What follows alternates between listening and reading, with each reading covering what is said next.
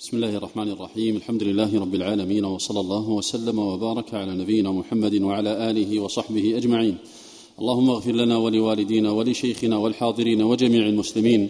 فهذا هو المجلس الرابع من مجالس شرح المقنع للموفق بن قدامة رحمه الله رحمة واسعة.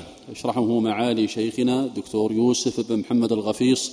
عضو هيئة كبار العلماء وعضو اللجنة الدائمة للإفتاء سابقا. وينعقد هذا المجلس بجامع عثمان بن عفان رضي الله عنه مغرب يوم الأحد الحادي والعشرين من الشهر الرابع من عام أربع وثلاثين وأربعمائة وألف للهجرة. قال المصنف رحمه الله تعالى فإذا فرغ مسح بيده اليسرى من أصل ذكره إلى رأسه ثم ينتره ثلاثا. الحمد لله رب العالمين وصلى الله وسلم على عبده ورسوله نبينا محمد وآله وأصحابه أجمعين. قال الإمام الموفق أبو محمد رحمه الله تعالى فإذا فرغ مسح بيده اليسرى من أصل ذكره. إذا فرغ من حاجته قال إذا فرغ أي من بوله مسح بيده اليسرى من أصل ذكره إلى رأسه ثم ينتره ثلاثا. وهذا الاستحباب ذكره الفقهاء رحمهم الله. واستدلوا له بما جاء في مسند الإمام أحمد أن النبي صلى الله عليه وسلم قال إذا بال أحدكم فلينتثر. وهذا الحديث وإن كان متكلما فيه إلا أن طائفة من الفقهاء بنوا هذا الاستحباب عليه. وعلى قول الثاني فإن هذا النتر لا يكون مشروعا لأنه قد يفضي إلى الوسوسة. وهذا يتجه بأن مقتضى العادة أن الإنسان لا يحتاج إلى مثل هذا فليس هو مما ثبت به سنة بينة. نعم. ولا يمس فرجه بيمينه ولا يستجمر بها ولا يمس فعل أجزأه. ولا يمس فرجه بيمينه ولا يستجمر بها. ولا يمس فرجه بيمينه على سبيل النهي أو على سبيل النفي. وهذا جاء في الصحيحين من حديث أبي قتادة أن النبي صلى الله عليه وسلم قال لا يمسكن أحدكم ذكره بيمينه وهو يبول ولا يتمسح من الخلاء بيمينه ولا يتنفس في الإناء. هذا جاء في حديث أبي قتادة وهو حديث متفق عليه. لا يمسكن أحدكم ذكره بيمينه وهو يبول ولا يتمسح من الخلاء بيمينه. فما ذكره المصنف هو معتبر بهذا فينهى عن مسه باليمين. ولا يستجمر كذلك باليمين تكريما لها لما جاء في نهي النبي صلى الله عليه وسلم وهو مقتضى الشريعة ابتداء فإن مقتضى الشريعة أن اليمين مكرمة وتكون للأفعال المكرمة. نعم. فإن فعل أجزأه فإن فعل أجزأه أي صح استجماره. فإن فعل فمس ذكره بيمينه واستجمر بيمينه أو استنجى أو استجمر نعم واستجمر بيمينه أجزاه ذلك. ولو كان مخالفا للنهي الذي يدل على الكراهة لا يدل على التحريم. نعم. ثم يتحول عن موضعه ثم يستجمر ثم يستنجي بالماء ويجزئه ثم. يتحول عن موضعه. أيضا استحب كثير من الفقهاء التحول عن الموضع اتقاء لأثر النجاسة اتقاء لأثر النجاسة وهذا بقدر ما تجري به العادة وهذا بقدر ما تجري به العادة ويحصل به الاتقاء. هذا بقدر ما تجري به العادة ويحصل به الاتقاء وثبت في فعل النبي صلى الله عليه وسلم ما يدل على ذلك لكنه لا يبالغ فيه. قال المصنف ثم يستجمر ثم يستنجي بالماء. ظاهره الجمع بينهما ظاهره الجمع بينهما. وهذا جاء في رواية عن الإمام أحمد. هذا جاء في رواية عن الإمام أحمد أنه استحب الجمع بينهما واستحباب الجمع بينهما أي بين الاستجمار بالحجارة ونحوها والاستنجاء بالماء استحباب الجمع هو قول طائفة من السلف والخلف. وعلى هذه الطريقة يجعلون الأفضل من الدرجات هو الجمع بين الحجارة والماء. ثم يجعلون بعد ذلك الاستنجاء بالماء ثم الثالث الاستجمار بالحجارة. وهذه هي الطريقة المشهورة عند كثير من متقدم السلف وكثير من متأخر الفقهاء من أصحابهم. وعلى الطريقة الثانية يجعلون الجمع بينهما ليس مشروعا. فهاتان طريقتان محفوظتان عن المتقدمين منهم من يستحب الجمع بينهما ومنهم من لا يستحب ذلك. والإجزاء يحصل بواحد منهما. الإجزاء يحصل بواحد منهما في قول عامة أهل العلم. الإجزاء يحصل بواحد منهما في قول عامة أهل العلم. لكن هل يشرع هذا الجمع؟ كما ترى أن هذا كما ترى أن هذا لا بد له من سنة. وأقوى ما في الباب ما جاء في حديث عائشة أنها قالت النساء مرن أزواجكن أن يتبعوا الحجارة بالماء فإني يستحييهم وهو حديث مروي في السنن وصححه بعض أهل الحديث كالترمذي وتكلم فيه آخرون فليس من الأحاديث البينة في ثبوتها فهو حديث متكلم فيه ويحتمل أمره التصحيح عند طائفة كما صنع الترمذي في تصحيحه له. ولكن إذا نظرت ظاهر السنة من حيث ما نقل عن النبي صلى الله عليه وسلم من الأفعال المعينة غير حديث عائشة لم يحفظ في حديث صحيح أن النبي صلى الله عليه وسلم جمع بينهما. لم يحفظ في حديث صحيح وأقوى ما في الباب هو حديث عائشة. وأما ظاهر الروايات الأخرى كحديث المغيرة وحديث أنس ونحوها فظاهره أن النبي صلى الله عليه وسلم لم يفعل ذلك. وعن هذا التردد في الاستدلال اختلفت طريقة أهل العلم فمنهم من استحب الجمع وهذه طريقة محفوظة لكثير من المتقدمين وليست خطأ في الشريعة كما قد يشير إليه البعض أحيانا. هذا قول محفوظ لطائفة من السلف والخلف. والقول الثاني أن هذا ليس مشروعا لعدم وجود السنة الثابتة فيه. لعدم وجود السنة الثابتة فيه والشريعة إنما ذكرت الاستجمار والاستنجاء على سبيل التنوع بينهما لا على سبيل الجمع. لا لا لا على سبيل الجمع. فهذه طريقة وهذه طريقة. نص الإمام أحمد رحمه الله على أنه يستحب ذلك. على أنه يستحب ذلك. ولكن التحقيق في مذهب الإمام أحمد أن هذا الاستحباب محله في أن هذا الاستحباب في محل الغائط فقط. بمعنى لو كان بولا فإنه لا يستحب له الجمع الصحيح من المذهب. على القول المحقق في المذهب وإن كان أكثر المتأخرين لا يجزمون به لكن ذكره بعض متقدم الأصحاب أن هذا محله أن هذا معتبر بمحل الغائط. وأما في البول وحده فإنه لا يكون كذلك. وأيضا فإن المقصود من الجمع بينهما هو تقديم الاستجمار على الاستنجاء. أما لو استنجى بالماء فإنه لا يشرع له على هذه الطريقة ماذا؟ أن يستجمر بالحجارة بعد الماء وإنما هو ارادوا بالجمع أي تقديم الاستجمار. وأما الجمع الذي يحصل به أنه يقدم الاستنجاء بالماء ثم يستجمر بعده فهذا ليس مشروعا على الصحيح كذلك. نعم. ويجزئه أحدهما. قال ويجزئه أحدهما في قول عامة أهل العلم. في قول عامة أهل العلم نقل عن بعض المتقدمين أنهم لا يرون الاستنجاء بالماء نقل عن بعض المتقدمين فيه بعض الآثار عن بعض الصحابة وبعض التابعين أنهم لا يرون الاستنجاء بالماء لكن هذا على خلاف ما جاء عن عامة الصحابة والتابعين. وكأن الخلاف هنا خلاف ترك واستقر الأمر والإجماع لظهور السنن فيه على أنه يجزئ الواحد منهما فلو استنجى بالماء أجزأه وهذا صريح. في فعل النبي صلى الله عليه وسلم في بعض الروايات كحديث المغيرة. نعم. إلا أن يعدو الخارج موضع العادة فلا يجزئ إلا الماء. إلا أن يعدو الخارج موضع العادة فلا يجزئ إلا الماء. هذا استثناء من قوله ويجزئ أحدهما ويجزئ أحدهما. فإذا تعدى الخارج من محل الغائط موضع العادة فلا بد من استعمال الماء. وهذا هو المشهور في مذهب الإمام أحمد رحمه الله وبهذا قال الشافعي وإسحاق وابن المنذر وطائفة من الفقهاء. قيدوا جواز الاكتفاء أو صحة الاكتفاء بالاستجمار ما لم يعد الخارج موضع العادة. نعم.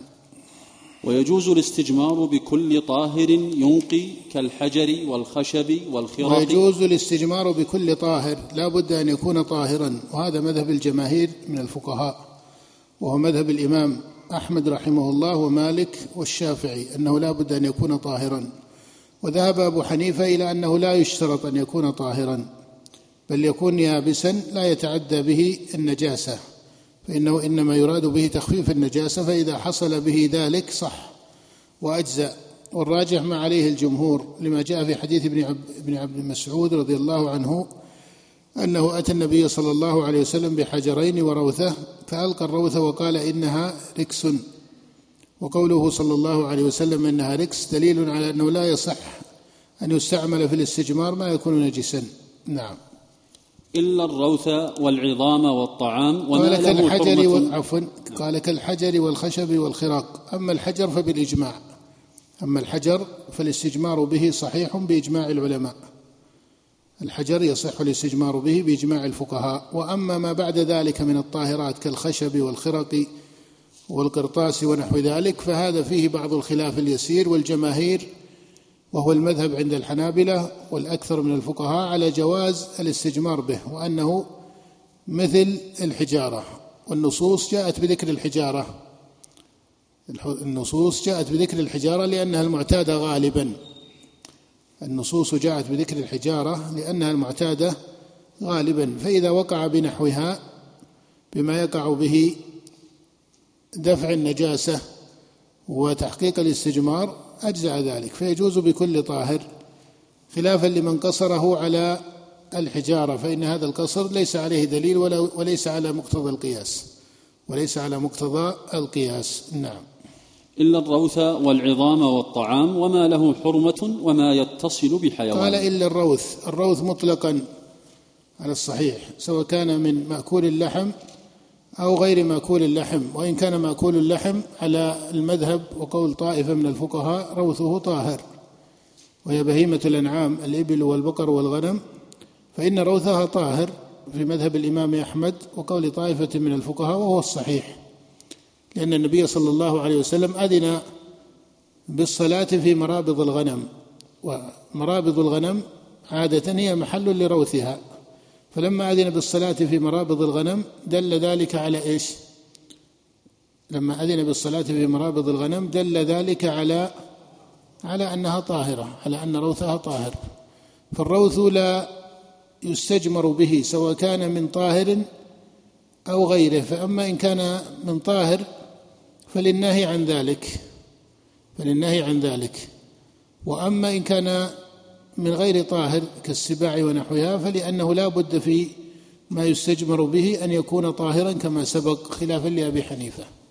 نعم. قال إلا الروث والعظام. العظام فإنها طعام إخواننا من الجن كما جاء في الحديث أن النبي صلى الله عليه وسلم نهى عن ذلك وقال إنه طعام إخوانكم من الجن. وفي قوله صلى الله عليه وسلم إنهما لا يطهران. وكذلكم الطعام الطعام فإن هذا ابتذال وكفر بالنعم. فالطعام المحترم وهو ما يأكله الآدمي لا يصح الاستجمار به لأن هذا ينافي مقام الشكر وحرمة النعم التي جعلها الله حلالا لبني آدم. وما له حرمة كل ما له حرمة عادة أو فيه سرف بالغ مما لا يتخذ عادة للاستجمار فإنه ينهى عن الاستجمار به. فإنه ينهى عن الاستجمار به. وما يتصل بحيوان كذلك. نعم. ولا يجزئ أقل من ثلاث أقل من ثلاث مساحات إما بحجر ذي شعب أو بثلاثة. نعم. ولا يجزئ بأقل من ثلاثة أحجار. لا يجزئ بأقل من ثلاثة أحجار.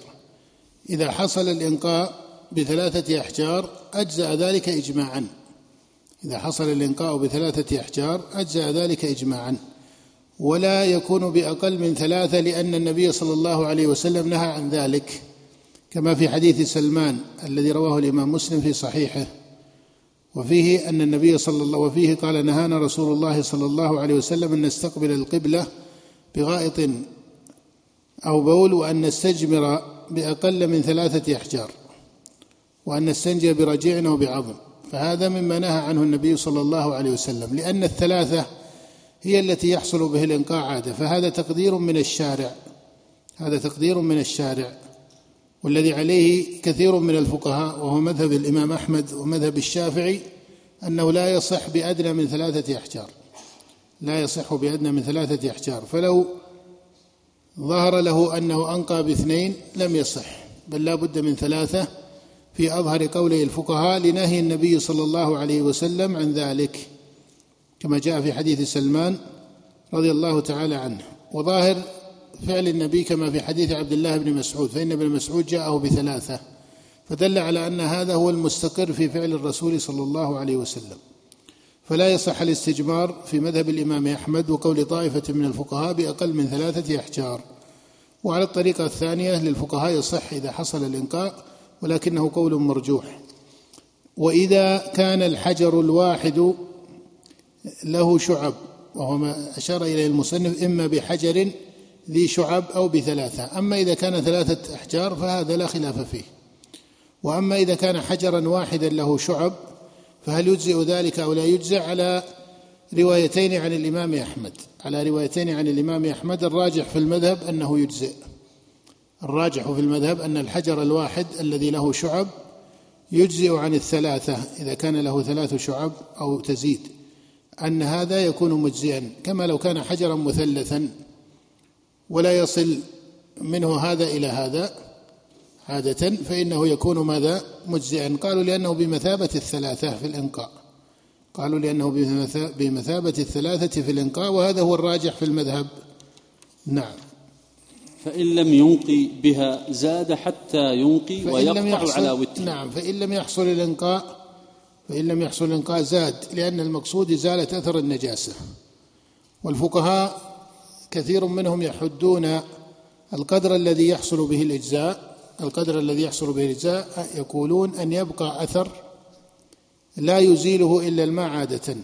أن يبقى أثر لا يزيله إلا الماء عادة. وهذا فيما يظهر وجيه لكن يقيد معه أن يبقى أثر لا يزيله إلا الماء عادة.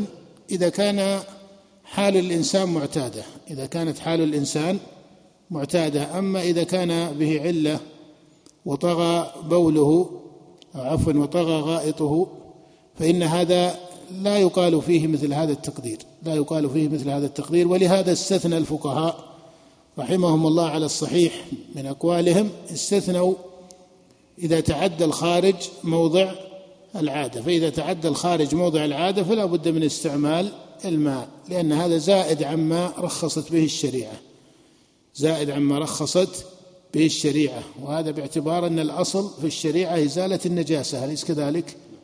فلما أذنت الشريعة بهذا الاستجمار الذي هو ليس برتبة الماء في الإنقاء قصر على ما ورد في الشريعة وهذا هو الصحيح من آراء الفقهاء ولهذا قيدوه في بثلاثة أحجار لأن الشريعة جاءت بتسميتها وكذلك باعتبار الحالة المعتادة للناس. أما من به علة فطغى غائطه فخرج عن موضع العادة فهذا لا بد له من إزالته لأنها نجاسة والأصل وجوب إزالة النجاسة بالماء والأصل وجوب إزالة النجاسة بالماء وهذا جاء فيه حديث من قول علي رضي الله تعالى عنه لكنه هو مقتضى القياس هو مقتضى الأصل والقياس أن النجاسة تجب إزالتها فيقدر ما أسقطت الشريعة وعفت عنه الشريعة بموجب الاستجمار يقدر بالقدر الذي أذنت به الشريعة وهو الحال المعتادة. الشريعة إنما أذنت في الحال المعتادة أما إذا كان عن علة يزيد فالراجح من قوله الفقهاء أنه لا يجزئ بل لا بد من الماء. نعم. قال فإن لم ينقي زاد حتى ينقي. أي ولو زاد عن ثلاثة أحجار ويقطع على وتر. إذا قطعوا على ثلاثة أحجار فهي وتر. فإن زاد لحاجته إليه فإنه يقطع على خمس ونحو ذلك. لحديث أن النبي صلى الله عليه وسلم قال من من استجمر فليوتر. وهو حديث متفق عليه من حديث أبي هريرة. نعم. ويجب الاستنجاء من كل خارج إلا الريح.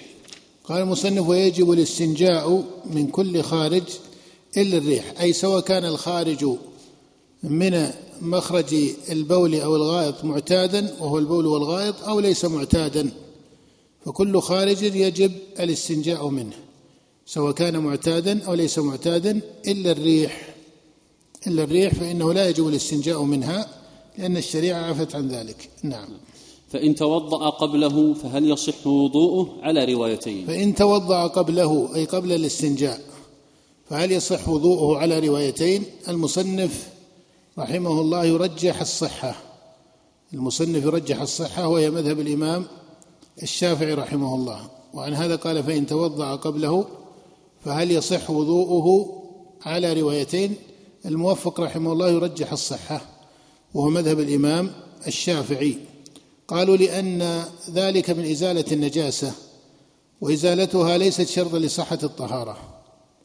والرواية الثانية والرواية الثانية في مذهب الإمام أحمد عدم الصحة وهذا هو الأظهر أنه لا يصح الوضوء قبل إزالة النجاسة لأن الشريعة إنما رتبت في رفع الحدث هذا على هذا فجاء متعاقبا في الشريعة.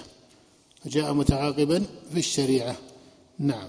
وإن تيمم قبله خرج على الروايتين وقيل لا يصح وجها واحدا. نعم. وإن تيمم قبله خرج على الروايتين. التخريج معروف وهو أنهم يخرجون على رأي الإمام ما ليس من نصه مما يكون مشاكلا له مما يكون على قياس رأيه فيسمونه تخريجا. فإذا كان في الشريعة سمي ماذا؟ قياسا. وإذا كان في قول الأئمة سمي تخريجا. وقيل لا يصح وجها واحدا والوجه عند الأصحاب. هذا فيه تخريج عندهم وفيه وجه وهو إطلاق عدم الصحة. نعم. قال رحمه الله باب السواك وسنة الوضوء. نعم باب السواك وسنة الوضوء أي ما يسن في الوضوء ويشرع. وبدأ المصنف بذكر السواك وهو من سنن المرسلين. ومن سنن النبي صلى الله عليه وآله وسلم ويكون بالأراك ونحوه لا يختص بعود الأراك. قال والسواك مسنون في جميع الأوقات. لقول النبي صلى الله عليه وسلم السواك مطهرة للفم مرضاة للرب كما في السنن والمسند. وثبت عن النبي صلى الله عليه وسلم استعماله. حديث السواك جاء من وجوه في الصحيحين وغيرهما فهو من السنن النبوية الثابتة التي لا يستراب في ثبوتها. وفي مشروعيتها حتى نقل عن إسحاق وبعض المتقدمين القول بوجوبه وهو قول بعيد وهو قول بعيد. فإن السنة صريحة بعدم وجوبه. فإن النبي صلى الله عليه وآله وسلم في المواضع التي يتأكد فيها السواك قال لولا أن أشق على أمتي لأمرتهم بالسواك عند كل صلاة وفي رواية عند كل وضوء. فهذه مواضع يتأكد فيها السواك ومع ذلك قال فيها النبي صلى الله عليه وسلم لولا أن أشق على أمتي لأمرتهم بالسواك عند كل صلاة عند كل وضوء. الحديث فيه وجهان أحدهما في الصحيح والآخر في المسند. فإذا كان الشارع قال لا لولا أن أشق على أمتي لأمرتهم أي أمر الوجوب وإلا في الأمر من حيث الأصل وهو أمر التشريع والاستحباب ثابت. فإذا رفع الشارع وجوبه إذا رفع الشارع وجوبه في محل تأكده ففي غيره من باب ففي غيره من باب أولى ففي غيره من باب أولى إذا رفع الشارع وجوبه بقوله لأمرتهم فدل على أنه لم يأمرهم أي أمر الوجوب وإلا فأمر الاستحباب متحقق. لا فدل على أن ما دون محل التأكد وهو المحل المطلق من باب أولى ولكن يأتي ذلك على سبيل التأكيد كما جاء في غسل الجمعة في حديث أبي سعيد الذي رواه أصحاب الصحيح أن النبي صلى الله عليه وسلم قال غسل الجمعة واجب على كل مسلم ويتوضأ ويمس وغسل الجمعة واجب على كل محتلم وسواك ويمس من الطيب ما قدر عليه. هكذا جاء في رواية الصحيح بذكر السواك معه.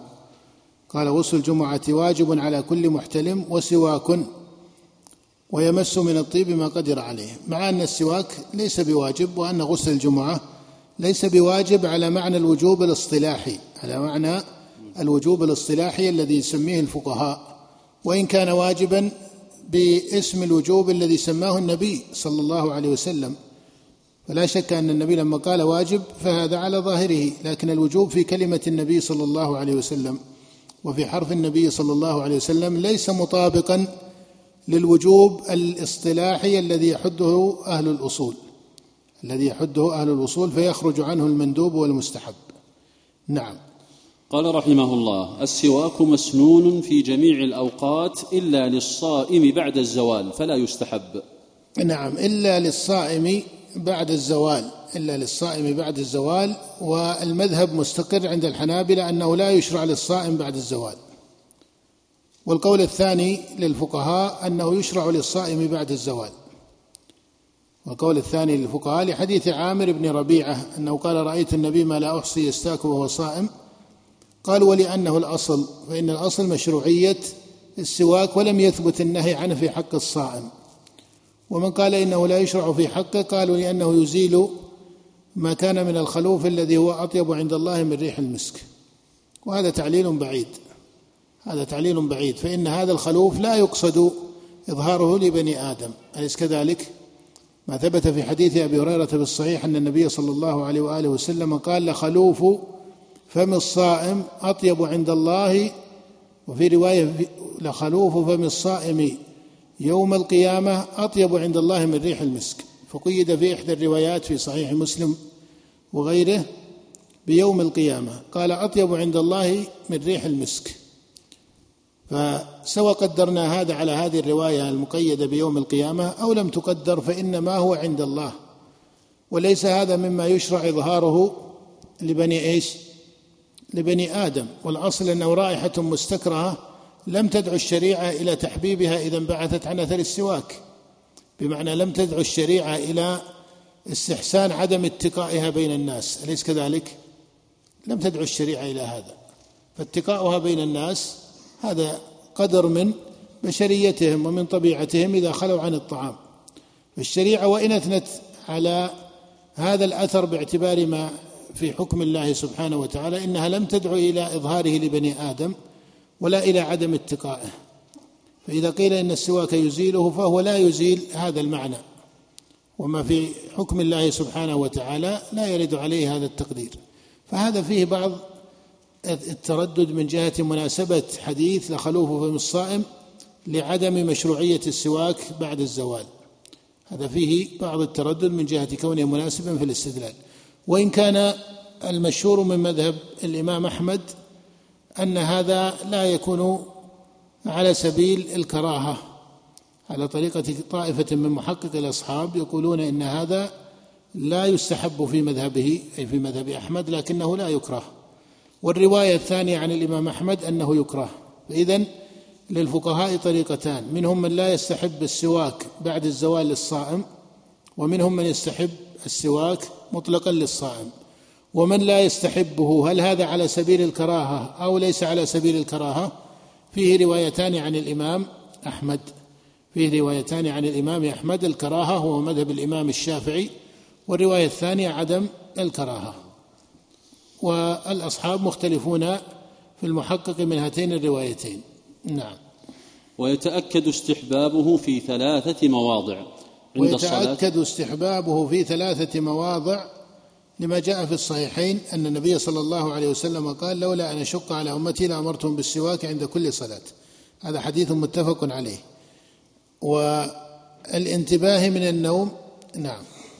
عند الصلاة والانتباه من النوم وتغير رائحة الفم. نعم والانتباه من النوم لأن النبي صلى الله عليه وسلم كان إذا قام من الليل يشو صفاه بالسواك وهذا متفق عليه من حديث حذيفة. وجاء ذلك أيضا في حديث ميمونة وفي حديث عبد الله بن عباس أن النبي صلى الله عليه وسلم لما قام من الليل شا صفاه بالسواك. فإذا انتبه القائم لأن هذا مظنة تغير الفم. نعم. وتغير رائحة الفم لأنه يناسبه. وتغير رائحة الفم لأنه يناسبه. واستحب بعض الفقهاء السواك عند قراءة القرآن. واستحب بعض الفقهاء السواك عند قراءة القرآن. وهذا موضع الرابع في استحبابهم وإن كان لم يثبت به حديث. لا يصح فيه حديث. لا يصح في استحبابه عند قراءة القرآن حديث. وأقوى منه في الأثر والسنة استحبابه عند الوضوء. أقوى منه في الأثر والسنة استحبابه عند الوضوء لما جاء في المسند وغيره لامرتهم بالسواك عند كل وضوء. نعم. ويستاك بعود لين ينقي الفم ولا يجرحه ولا يضره ولا يتفتفت فيه. والسواك يكون بأي عود لين مناسب له عادة وأشرفه في الجملة الأراك. وأشرفه في الجملة الأراك وهو أكثره مناسبة لكنه يصح بغيره مما يكون عادة صالحا لذلك. وهل يكون السواك بغير ذلك من الإصبع ونحوه؟ بعض الفقهاء يجعل ذلك داخلا في اسم السواك المشروع وبعضهم لا يجعله. وهذه مسألة محتملة على كل تقدير. وإن كان ظاهر كلام أكثر الفقهاء أن هذا ليس من السواك أن هذا ليس من السواك. ولكن سواء قدر أنه يدخل في اسم السواك المشروع أو لا يدخل فإنه من وجه آخر هو قدر من النظافة واتقاء الرائحة إذا لم يتيسر بيده سواك وهذا مشروع. فإن النظافة مستحسنة في الشريعة. النظافة مستحسنة في الشريعة ومما يثنى بها. نعم. فإن استاك فإن استاك بإصبعه أو خرقة فهل يصيب السنة على وجهين؟ فإن استاك بإصبعه أو خرقة فهل يصيب السنة على وجهين؟ فيه وجهان للأصحاب وهما قولان للفقهاء. ويستاك ويستاك عرضا ويدهن غبا ويكتحل وترا. نعم لما جاء عن النبي صلى الله عليه وسلم أنه فعل ذلك يستدل به الفقهاء أن النبي قال استاكوا عرضا وادهنوا غبا واكتحلوا وترا. لكن هذا الحديث بهذا اللفظ لا يثبت. لكن هذا هو ظاهر الأصل في أن السواك يكون عرضا وكيفما استاك صح. لكن مما ينبه إليه في أمر السواك أنه يجب أن يكون استياك المسلم لا يخرجه عن مروءته لا يخرجه عن مروءته لا من حيث المحل ولا من حيث الصفة. يجب أن يكون أو ينبغي أن يكون ينبغي أن يكون استياك المسلم لا يخرجه عن مروءته من حيث المحل ومن حيث إيش؟ الصفة. من حيث المحل إذا كان المحل له صفة معينة. وقد انكف الناس عن ذلك فلا يكون شاذا في تقليب سواكه في طول المجلس. واضح؟ ولا سيما إذا أقبل عليه بحديث أو نحو ذلك هذا لا يستوعب عادة. إذا زاد كونه يعرض له السواك في المجلس هذا لا شك أنه صحيح. لكن إذا اتخذه في جملة المجلس الذي لم يعتد أو له صفة هذا المجلس فقد يوحي بعدم مبالاته بأمر صاحبه وأمر المتحدث ونحو ذلك. فإذا جاء هذا المعنى وجب تقديره. المعنى الثاني من حيث الصفة بأن يستاك على قدر من حفظ المروءة لا يجلس يقلب فاه أمام الناس. هذا يقع فيه البعض أحيانا أنه يجلس يقلب فاه أمام الناس طولا وعرضا وهذا ليس مناسب ولا سيما إذا كان في اختصاص من المجالس كمجالس العلم ونحوها. وإن كان السواك مشروعا لكنه لا يكون بما يذهب المروءة بهذه الصفة بما يذهب المروءة بهذه الصفة بل يكون على قدر من الوقار الذي يحفظ خلق المسلم. نعم. ويجب الختان ما لم يخفه على نفسه قال ويكره القزع. نعم قال المصنف رحمه الله ويجب الختان ما لم يخف على نفسه. الختان من السنن من سنن المرسلين لما ثبت في الصحيحين من حديث أبي هريرة أن النبي صلى الله عليه وسلم قال الفطرة خمس وذكر منها الختان. وكذلك ما جاء في حديث عائشة عشر من الفطرة وذكرت منها عن النبي صلى الله عليه وسلم في حديثها المرفوع الختان فالختان من سنن المرسلين وهو من سنن الفطرة. وثبت في صحيح البخاري وغيره أن إبراهيم عليه الصلاة والسلام اختتن بالقدوم فهو من سنن المرسلين وهديهم وهو واجب في مذهب الإمام أحمد في حق الرجال. وهذا قول طائفة من الفقهاء. قال الإمام أحمد هو مكرمة للنساء أي ليس واجبا على النساء. وأوجبوه على الرجال في قول الإمام أحمد وطائفة من الفقهاء وهو ظاهر مذهب الجمهور هو ظاهر مذهب الجمهور من المتقدمين أنه يجب. ما لم يخف على نفسه فإن خاف على نفسه لم يجب عليه. فإن خاف على نفسه لم يجب عليه. وهل يكون متعديا في طهارته ووضوئه ونحو ذلك إذا لم يختتن. بعض الفقهاء علل مسألة الوجوب بأن الطهارة لا تتحقق إلا به. بعض الفقهاء من الأصحاب وغيرهم عللوا مسألة الوجوب أو عللوا وجه الوجوب. عللوا وجه الوجوب بأن هذا يحصل به تحقيق الطهارة. وهذا والله أعلم فيه نظر. وهذا والله أعلم فيه نظر. لماذا؟ لأن إبراهيم عليه الصلاة والسلام كما جاء في صحيح البخاري وغيره اختتن وهو ابن ثمانين سنة. وهو عليه الصلاة والسلام قد شرعت له الصلاة فإن الصلاة مشروعة في دين إبراهيم وفي دين موسى. ولهذا قال النبي صلى الله عليه وسلم لما رأى موسى عليه الصلاة والسلام يصلي في قبره فالصلاة مشروعة. وفي قصة معراج النبي صلى الله عليه وسلم لما فرض عليه خمسون صلاة فراجع موسى. وقال له ما قال حتى جعلها الله جل وعلا خمس صلوات. المقصود أن الصلاة مشروعة في دين الأنبياء. وإبراهيم ممن أمر بالطهارة وهذه الأصول من الطهارة والصلاة مستقرة في دين الأنبياء. فكان إبراهيم عليه الصلاة والسلام يصلي ولم يؤمر بالختان إلا وهو ابن ثمانين سنة. فهذا يعلم به أو يظهر به يظهر به أن هذا ليس موجبا للقطع بأن الطهارة لا تتحصل إلا به. ولو كانت كذلك لما حصل في المسألة لما حصل في المسألة خلاف بين الفقهاء. لو كانت الطهارة لا تصح إلا به. وهذا من حيث العادة متصور فإنه من حيث العادة يمكن تحصيل الطهارة في الاستنجاء بالماء ولو لم يقع الختان. ومما ينبه إليه أن الختان وإن كان واجبا فإنه ليس من أصول الواجبات. أن مما ينبه إليه أن الختان في حق الرجل وإن كان واجبا في أظهر قولي الفقهاء وهو مذهب الإمام أحمد رحمه الله إلا أنه ليس من أصول الواجبات. ومعنى هذا أن حديث العهد بالإسلام فيما يظهر لا ينبغي أن يبادر أو يفجأ بأن من أوائل ما يبدأ به وربما يسمع ذلك قبل أن ينطق بإسلامه أن إسلامه يبتدئ بالشهادة وإيش؟ وأن يختتن فهذا حديث العهد الذي جاء من ديانة وضعية وثنية كبوذية ونحوها أو جاء من دين محرف لا يكون مستوعبا لهذا. لا يكون مستوعبا لهذا. فهذا ليس من الفقه الصحيح في الدعوة.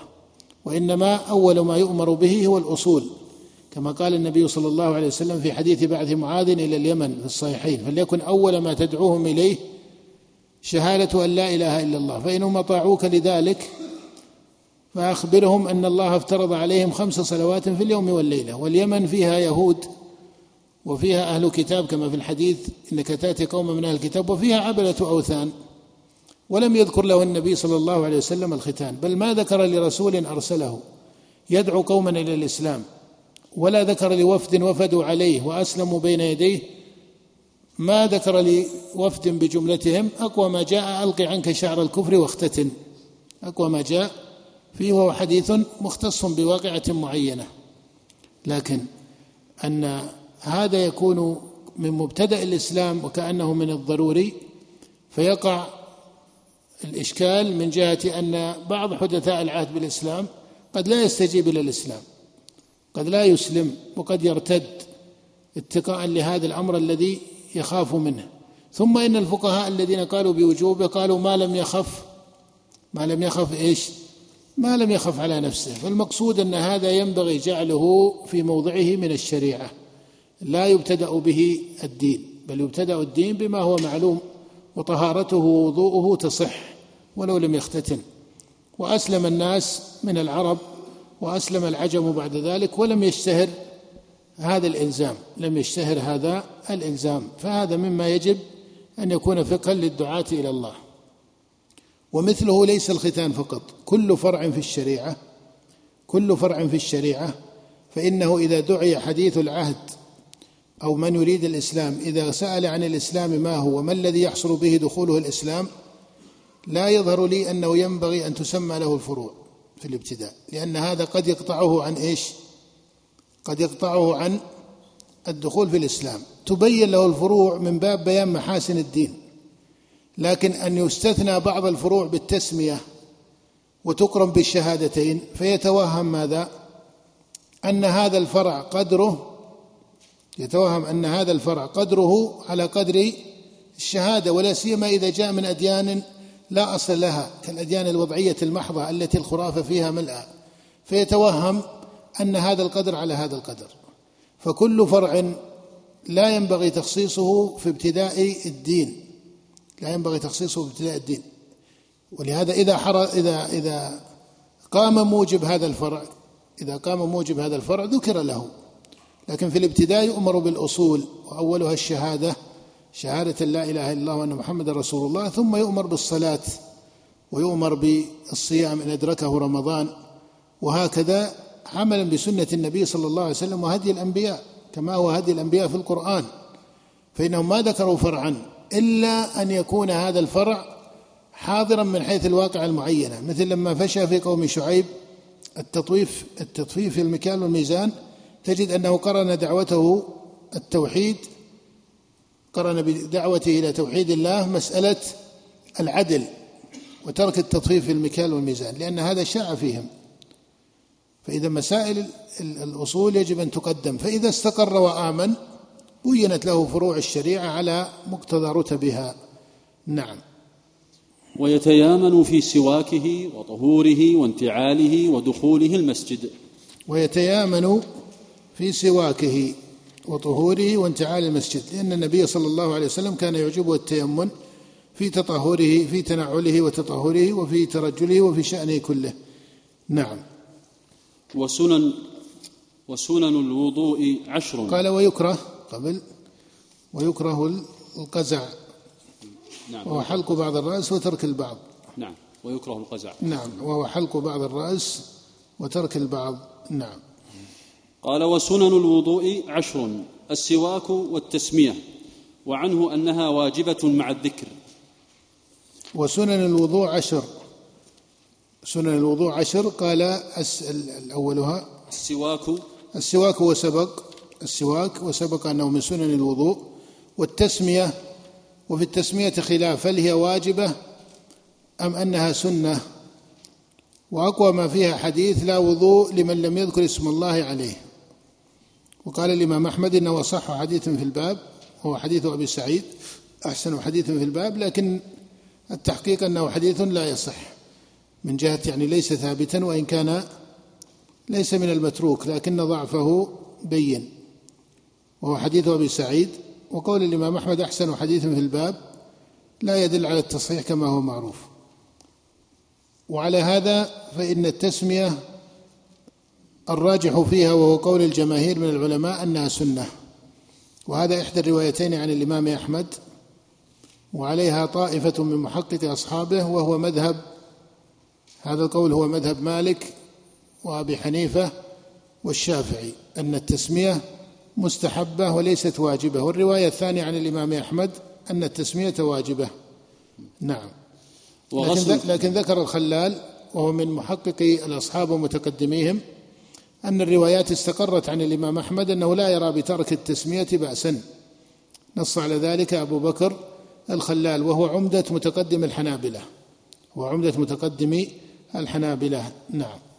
قال وغسل الكفين إلا أن يكون قائما من نوم الليل ففي وجوبه روايتان. غسل الكفين مستحب إجماعا إلا أن يكون قائما من نوم الليل خاصة ففي وجوبه روايتان. لحديث إذا قام أحدكم من نومه فلا يغمس يده في الإناء حتى يغسلها ثلاثا فإنه لا يدري أين باتت يده. فلما قال أين باتت؟ دل على أن هذا في نوم الليل. ولهذا ذهب الإمام أحمد في إحدى الروايتين إلى أنه إذا قام من نوم الليل وجب عليه غسل الكفين في نوم الليل خاصة. والرواية الثانية وهي مذهب الجمهور من الفقهاء مذهب المالكية والحنفية وأكثر الفقهاء أن ذلك لا يجب وإنما يستحب وإنما يستحب. وهذا هو الأظهر أن هذا من باب التأكيد أن هذا من باب التأكيد. فإن قيل إن غسل الكفين يشرع ابتداء في غير القائم من نوم الليل. ألا يكون هذا الحديث دليلا على نقل الحكم عن الاستحباب إلى الوجوب؟ إذا علم أن غسل الكفين يشرع مطلقا قام من نوم الليل أو لم يقم أليس كذلك؟ فإذا قيل إنه يشرع مطلقا ألا يكون هذا الحديث ناقلا عن هذا الأصل؟ قيل لا يلزم أن يكون ناقلا إلى الوجوب بل يكون ناقلا إلى تأكيد الاستحباب. إلى تأكيد مشروعية ذلك وهذا رتب تأتي في الشريعة. هذه رتب تأتي في الشريعة كالرواتب مثلا فانها منقولة عن أصل الاستحباب في فعل الصلاة ومشروعيتها مطلقا. إلى وجه من التأكيد. نعم. والبداية بالمضمضة والاستنشاق والمبالغة فيهما إلا قال والبداية بالمضمضة والاستنشاق والمبالغة فيهما إلا أن يكون صائما. هذا سنة. وسيأتينا ما يجب من ذلك وما لا يجب. إنما المصنف هنا يبين ما يستحب. نعم. وتخليل اللحية المبالغة إلا أن يكون صائما لحديث لقيط بن صبرة.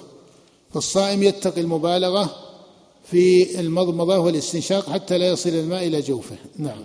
وتخليل اللحية الكثة وتخليل اللحية الكثة هذا أيضا مستحب ولا يجب. نعم. وتخليل الأصابع. كذلك. والتيامن.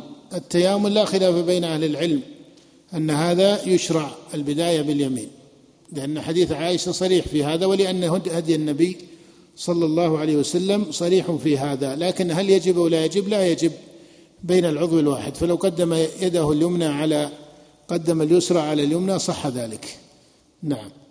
وأخذ ماء جديد للأذنين. وأخذ ماء جديد للأذنين وهذا على استحباب ذلك وهو مذهب الجمهور. هذا على استحباب ذلك وهو مذهب الجمهور ونص عليه الإمام أحمد رحمه الله وفعله ابن عمر وإن كان لم يحفظ به سنه عن النبي صلى الله عليه وسلم لكن فعله ابن عمر واستحبه الإمام أحمد وهو مذهب مالك والشافعي خلافا للإمام أبي حنيفة وهي مسألة يسيرة لكن الراجح الذي عليه جمهور الفقهاء أنه يستحب أن يأخذ ماء لها والسنة ليست صريحة بأحد الوجهين السنة ليست صريحة بأحد الوجهين. نعم. والغسلة الثانية والثالثة. كذلكم. الغسلة الثانية والثالثة بالإجماع أنها لا تجب وإنما الواجب واحدة. وتوضأ النبي صلى الله عليه وسلم مرة مرة وتوضأ مرتين مرتين وتوضأ ثلاثا ثلاثا. أخرجها البخاري في صحيحه.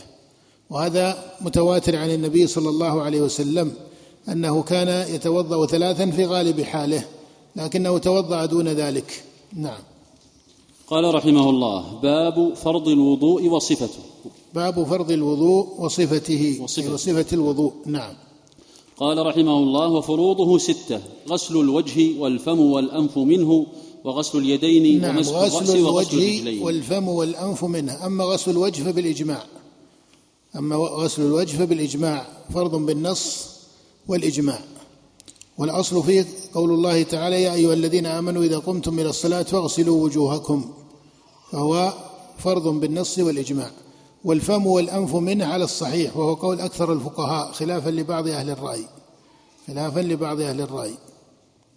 فالفم والأنف يجب المضمضة والاستنشاق واجبة المضمضة والاستنشاق واجبة وليست من المستحبات بل هي من الواجبات على الصحيح. وغسل اليدين أي إلى المرفقين غسل اليدين أي هذا فرض بالإجماع أيضا. وهذا صريح في الآية وفي فعل النبي صلى الله عليه وسلم ومضى به الإجماع. ومسح الرأس كذلك.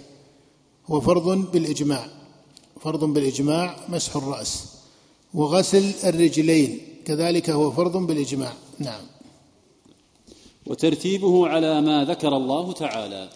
الترتيب على ما ذكر الله تعالى. الترتيب فيه خلاف بين الفقهاء. هل هو مما يجب أو لا يجب؟ فإذا ابتداء هذه الفروض أن غسل الوجه والفم والأنف منه واليدين إلى المرفقين كما سيأتي ومسح الرأس وسيأتي القدر اللازم منه على الخلاف فيه وغسل الرجلين إلى الكعبين ولا يجزئ في القدمين إلا الغسل. ونقل عن بعض المتقدمين ما يدل على الجمع بين لبس النعل ومسح القدم جاء هذا منقولا عن علي ولكن هذا القول ليس محفوظا ليس محفوظا عن علي رضي الله تعالى عنه. وهذا القول الذي ذكره بعض الفقهاء لا ليس من الأقوال المحفوظة بل هو من الأقوال الشاذة. والذي عليه عامة السلف والخلف وهو ظاهر مذهب الصحابة وحكي اجماعا للصحابة وجوب غسل القدمين فلا يجزئ مسحهما لا يجزئ مسح القدمين. وما جاء في كتاب الله بين في هذا. فإن الله سبحانه وتعالى قال يا أيها الذين آمنوا إذا قمتم إلى الصلاة فاغسلوا وجوهكم وأيديكم إلى المرافق وامسحوا برؤوسكم وأرجلكم إلى الكعبين. فجعلها على هذه القراءة تكون منصوبة أي أنه يجب غسلها. وعلى القراءة الثانية وأرجلكم فإن هذا لا يفيد أنها تمسح. وإنما يكون من باب اللغة أنها خفضت وجرت من باب المجاورة. وهذا معروف في كلام العرب. هذا معروف في كلام العرب أن المجاورة تعتبر في الخفض. وهذا موجود في شعرهم. ومنه قول امرئ القيس في معلقته فظل طهاة اللحم ما بين منضج صفيف شواء أو قديد معجل. فقال أو قديد مع أنه لو أخذه على الأصل لقال أو قديدا معجل فإنه يقول فظل طهاة اللحم ما بين منضج صفيف صفيف شواء أو قديدا ما قال قديدا وإنما قال أو قديد معجل بمقتضى المجاورة. نعم. قال رحمه الله والموالاة على إحدى الروايتين. والترتيب على ما ذكر الله فرض الترتيب على ما ذكر الله فرض وهو مذهب الإمام أحمد قد استقر عنده وهو مذهب الإمام الشافعي. وهو مذهب الإمام الشافعي خلافا لمالك وأصحاب الرأي. خلافا لمالك وأصحاب الرأي والدليل على الترتيب أن الله سبحانه وتعالى ذكر ذكر الممسوح بين المغسولات فدل على أن الترتيب معتبر. والوجه الثاني في الاستدلال أن هذا هو الذي تواتر في في هدي النبي وسنته. فلم يحفظ في حديث واحد أن النبي ترك الترتيب. لم يحفظ في حديث واحد أن النبي ترك الترتيب والوضوء عبادة يقدرها الشارع فهي موقوفة على تقديره وتوصيفه فلا يتعدى بها ذلك. فهو عبادة مبني على تقدير الشارع فلا يتعدى به ذلك. نقف على قوله والموالاة نستكمل بس يسير بعد الأذان إن شاء الله. جمل.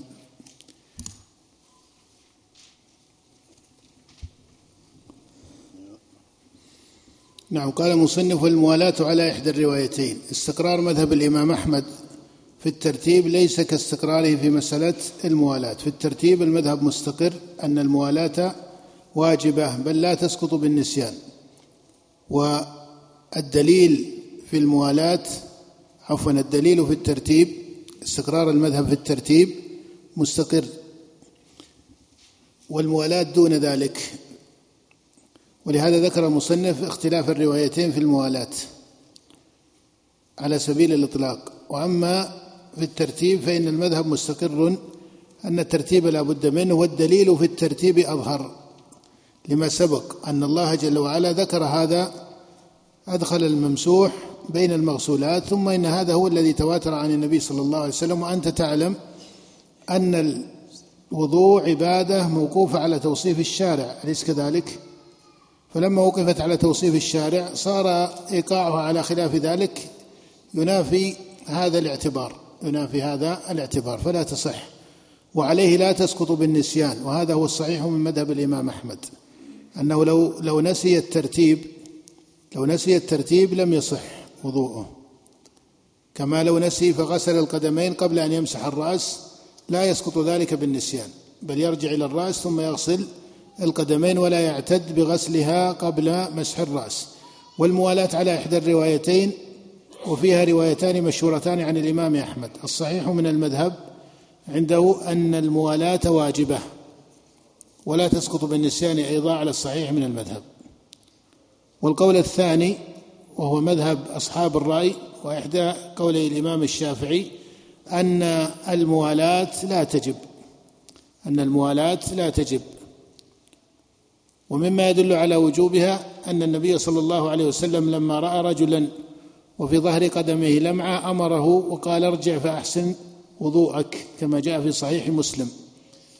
وفي حديث عمر في سنن أبي داود وغيرها أن النبي صلى الله عليه وسلم أمره أن يعيد أمره أن يعيد الوضوء أن النبي أمره أن يعيد الوضوء. واعتبار ذلك بالأصل وجيه وهو أن الأصل أن العبا أن الطهارة عبادة مشروعة على صفة فحيث انقطعت لم تقع على الصفة التي جاءت بها الشريعة من جهة أن النبي إنما جعل الوضوء متواليا ولكن الدليل في الموالاة ليس بظهوره كما في إيش؟ كما في الترتيب ولهذا كان استقرار مذهب الإمام أحمد في الترتيب أقوى من استقراره في مسألة في مسألة ماذا؟ الموالاة فالدليل في الموالاة دون الدليل من حيث الظهور في الترتيب. ولهذا استحسن الشيخ تقي الدين رحمه الله أن الأشبه بقواعد الإمام أحمد أن الموالاة تسقط بالعذر أن الموالاة تسقط بالعذر. كما لو أخذ ماء يتوضأ به وأبعد بعض الشيء فانتهى الماء قبل أن يغسل القدمين. فعلى المذهب إذا وصل إلى رحله وقد فاته الموالاة ونشف العضو. كان يسير إلى موضع يبعد فيه يستنجي فيه ثم يتوضأ فانتهى ما معه من الماء عن غسل القدم. فعلى المذهب يلزمه ماذا؟ إعادة الوضوء لانقطاع الموالاة بمدة من الفصل الظاهر عادة. وسيأتينا حد ذلك عندهم. وعلى مذهب أصحاب الرأي والرواية الثانية على الإمام أحمد مذهب الإمام أبي حنيفة رحمه الله والرواية الثانية عن أحمد وأحد قولي الإمام الشافعي أنه يغسل قدمه ويكفيه. أنه يغسل قدمه ويكفيه لأن الموالاة عندهم ليست لازمة. وعلى ما استحسنه شيخ الإسلام في مذهب أحمد وقال إنه الأشبه بقواعد أحمد يقول إن الموالاة تسقط بالعذر فيجعل هذا إيش؟ معذورا وليس كمن تعمد. والأظهر هو الأول. الأظهر هو الأول وأن العذر ليس يرفع تصحيح العذر لا يحصل به تصحيح الأحكام بمثل هذا. الأظهر أنه لا بد له أن يعيد الوضوء لأن النبي أمر الرجل مع أن هذا لا يقع إلا معذورا لا يقع إلا معذورا فإنه لا يتعمد أن يترك شيئا وقد دخل في الصلاة. نعم. نقف نستكمل يسير بس حتى ننتهي إلى موقف مناسب وهي آخر بس نعم. وهي ألا يؤخر غسل عضو حتى ينشف الذي قبله. وهو حتى ينشف وهي أي الموالاة. ما حدها؟ قال ألا يؤخر غسل عضو حتى ينشف الذي قبله. هذا تقديرها عند الفقهاء. نص عليه أصحاب الإمام أحمد وأصحاب الإمام الشافعي وغير هؤلاء. وهذا متجه لكنه يحتاج إلى أن يبين لا أن يقيد. هذا قيد بياني. هذا ليس من باب الاستدراك. على كلام الفقهاء رحمهم الله وإن كان كل يؤخذ من قوله ويترك كما قال الإمام مالك رحمه الله لكن المراد عندهم عادة. المراد عندهم إيش؟ عادة وهو ألا يؤخر غسل عضو حتى ينشف الذي قبله إيش؟ عادة. ولهذا بعضهم ينص على هذه الكلمة. لماذا نقول عادة؟ أو نص بعضهم على ذلك؟ لتخرج بعض حالات الهواء إذا كان الهواء جافا وشديدا. فإن العضو والماء يسيرا. فإن العضو يجف بزمن إيش؟ بزمن يسير. فهل تنقطع به الموالاة؟ لا. مع أنه حصل أنه نشف العضو قبل أن يغسل الذي بعده. لكن إنما نشف ليس على أصل العادة.